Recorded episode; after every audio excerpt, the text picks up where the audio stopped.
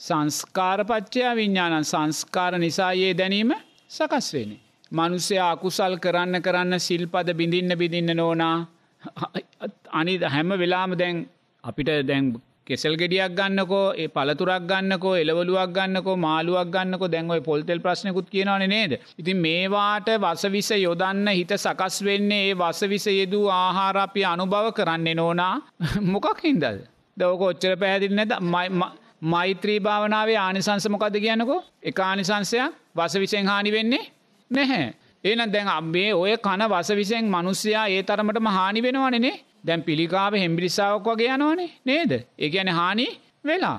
එය හානි වුණේ ඇයි මෛත්‍රිය ජීවිතය තුළ නැහැ. තේන්න සමාජයෙන් ඒවා පිරිහිලා. තේන්න. ඉති ඒ නිසා ඒ වැරදි කරනෑයට ඒ වැරදි කරන්න දැනීම් සකස් වෙන්නේ ඊට අදාළ සංස්කාරයන් ජනතාව තුළ තියෙන නිසා.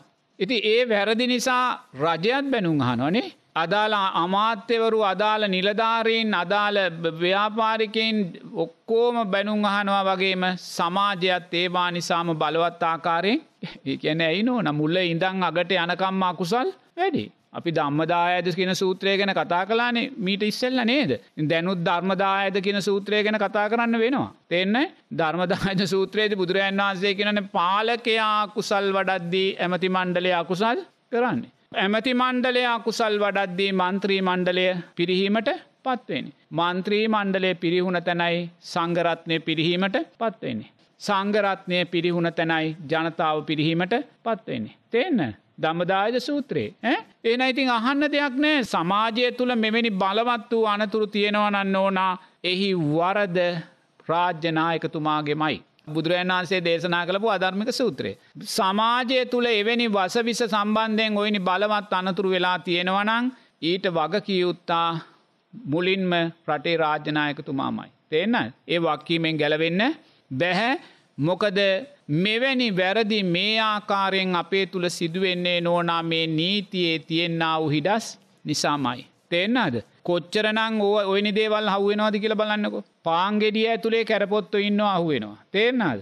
වසවිස දාලා මහා දේවල් කොච්චර අහුනත් නෝනා උසාවියට ගියොත් දඩයක් ගහල නිදහස් කරයි. තේන්න නැත්තං ඉතින් නීතික්ෂ මහත්තුට ලොකු ගානත් දීලා ඒකෙන් නිදහස් වෙයි. තේන්න එනිසා නෝනා ඔය කරන ඔය පොල්තෙල් ප්‍රශ්නයක් කියලා කිව්වා ඔය වගකී උත්තටි කාල්ලලා අවම වශයෙන් අවුරුදු දායක් කිරගෙ දෙෙට ඇරියනන්න ඕන ආයිමත් ඔය දේ කවුරුත් කරන්නේ නැහැ. තේෙන්න්නාද. ඉතින් එවැනි දඩුවන් ක්‍රමයක් මේ රටේ නැහැ. වැරැද්දට දඩුවන් දෙන්නේ නැහැ. වැරදිකරුවගෙන් අල්ලස් සරගෙන තව තව වැරැද්දට යන සමාජයක් තමයි අපි බිහි කරලා එම නැත්ත ඔයනි දෙයක් නෝනා ජපානය වගේ රටක කලා නං එහෙම මේ අවුරුදු විසිපාකින් එලියට එන්නේ නෑ ඔක්කොම රාජසන්තකයි. තිේන්න ඉඩකඩං ඔක්කොම රාජසන්තකයි.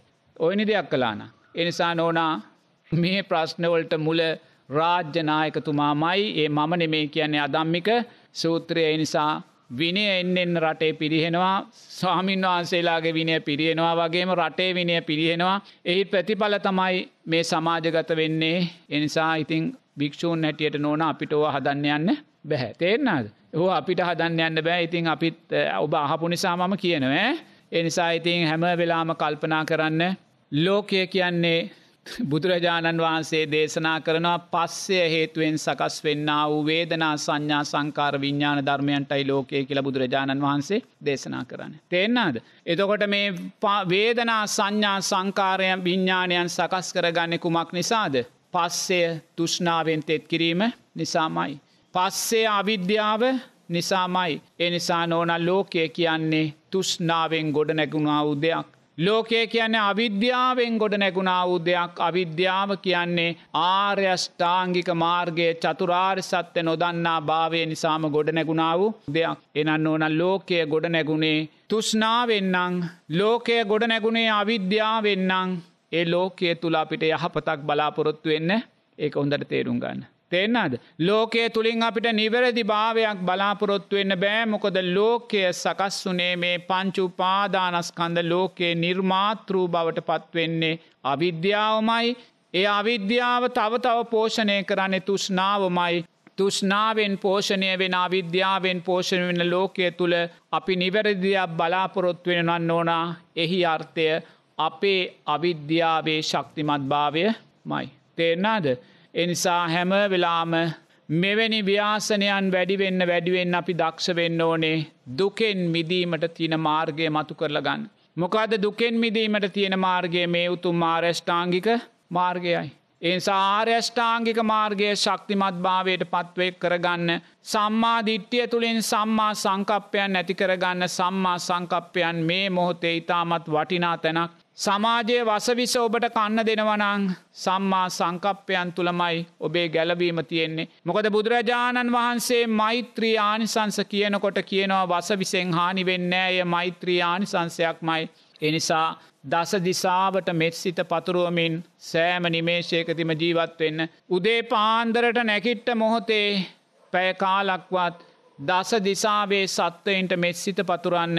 රාත්‍රියයට නිදාගන්න යන මොහොතේ පැය කාලක්වත් දස දිසාවේම සත්වයෙන් සිහිපත් කරලා මෙස්සිත පතුරුවන්න ඒ තුළින් ඔබට යම් ආරක්ෂාවක් සකස් වේවි වැරදි ආහාර නොගෙන ඉන්න වැරදි ආහාර නොකා ඉන්න ඔබට දැනීම සකස් වේවී. එනිසා නිරේතුරුවම සම්මා සංකප්පයන් ජීවිතයට එකතු කරගන්න. හිංසාවට යන්න එපා කොයි වෙලාක්වත් කේන්තිය දවේශය ජීවිතයට ඇති කරගන්න එපා. එය වස විසෙන් මිදීමට තියෙන ධර්මානුකූල එක සාධකයක් කියල බුදුරජාණන් වහන්සේ දේශනා කරනවා. ඒ වගේ මොබ දක්ෂ වෙන්න සුන්දර සම්මා සමාධිමත් හිතක් ඇති කරගෙන සෑම මොහොතකම මේ සංස්කාරයන්ගේ අනිත්‍ය භාවය දකින්න. මේ රූපයේ අනිත්‍ය භාවය දකින්න අපි මේ රූපය කෙරේ තින තුෂ්නාව නිසාමයි සාරා සංක කල්ප ලක්ෂ සියක් කෝටි ප්‍රකෝටි ගානක් පටිච්ච සමුපන්නෝ මේ මැරමින් නිපදමින් මේ බවාත්‍රය අයිති කරගෙන ඉන්නේ.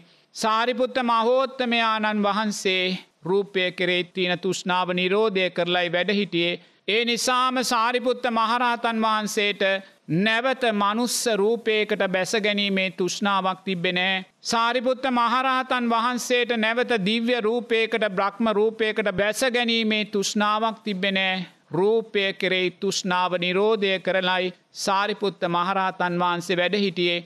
ඒ නිසා සාරිපුත්ත මහෝත්තමයාණන් වහන්සේ පිරිනිවී යන මොහොතේ උන්වහන්සේගේ පටිච්ච සමුපන්න විඤ්ඥානයට බැසගන්න රූපයක් තිබ්බෙ නෑ පිංහතුනේ. රූපය නිරෝධය කරලායි තිබ්බේ රූපය විනාස කරලායි තිබ්බේ.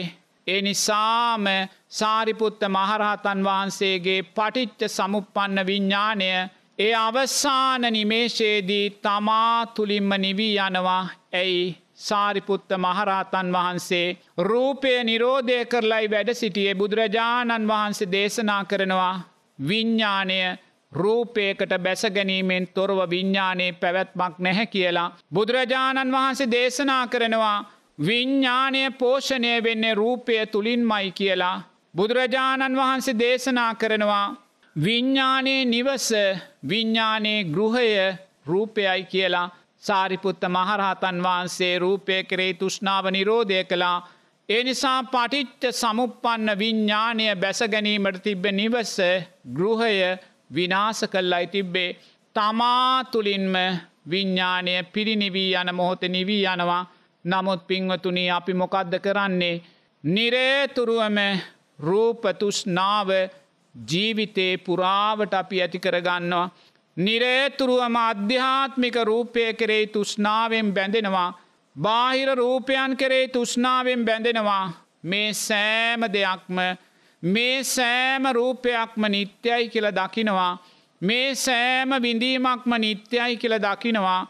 මේ සෑම හඳුනා ගැනීමක් සංස්කාරයක් විඤ්ඥානයක්ම නිත්‍යයි කියල දකිනවා. මේවා වෙනස් වෙලා යනවා පිංහතුනේ. අද හොඳ පොල්තෙල් ලැබෙද්දී හෙට වසවිස තියෙන පොල්තෙල් ලැබෙනවා අන්න පිංහතුනේ. අපේ විඳීම් වෙනස් වෙලා යනවා. අපේ හඳුනා ගැනීම් වෙනස් වෙලා යනවා. අපි රැස් කරන සංස්කාර වෙනස් වෙලා යනවා විඤ්ඥානයෝ වෙනස් වෙලා යනවා ඇයි පිංහතුනි වෙනස් වෙන රූපයක් නිසා සකස් වෙන වෙනස් වෙන අධ්‍යාත්මික බාහිර රූපයක් නිසා සකස් වෙන පස්සය නිරේතුරුවම අනිත්‍ය වූ ධර්මතාවයක් මොකද පස්සේ සකස් වෙන්නේ අනිත්‍ය වූ රූපයක් ඇසුරෙන්මයි විඳීම සකස් වෙන්න අනිත්‍ය වූ රූපයක් ඇසුරෙන්මයි සංඥාව සංස්කාර විඤ්ඥානයෝ සකස් වෙන්නේ අනිත්‍ය වූ රූපයක් ඇසුරෙන්මයි නමුත් අපි මේ සෑම ධර්මතාවයක්ම නිත්‍යයි කියල දකිනවා.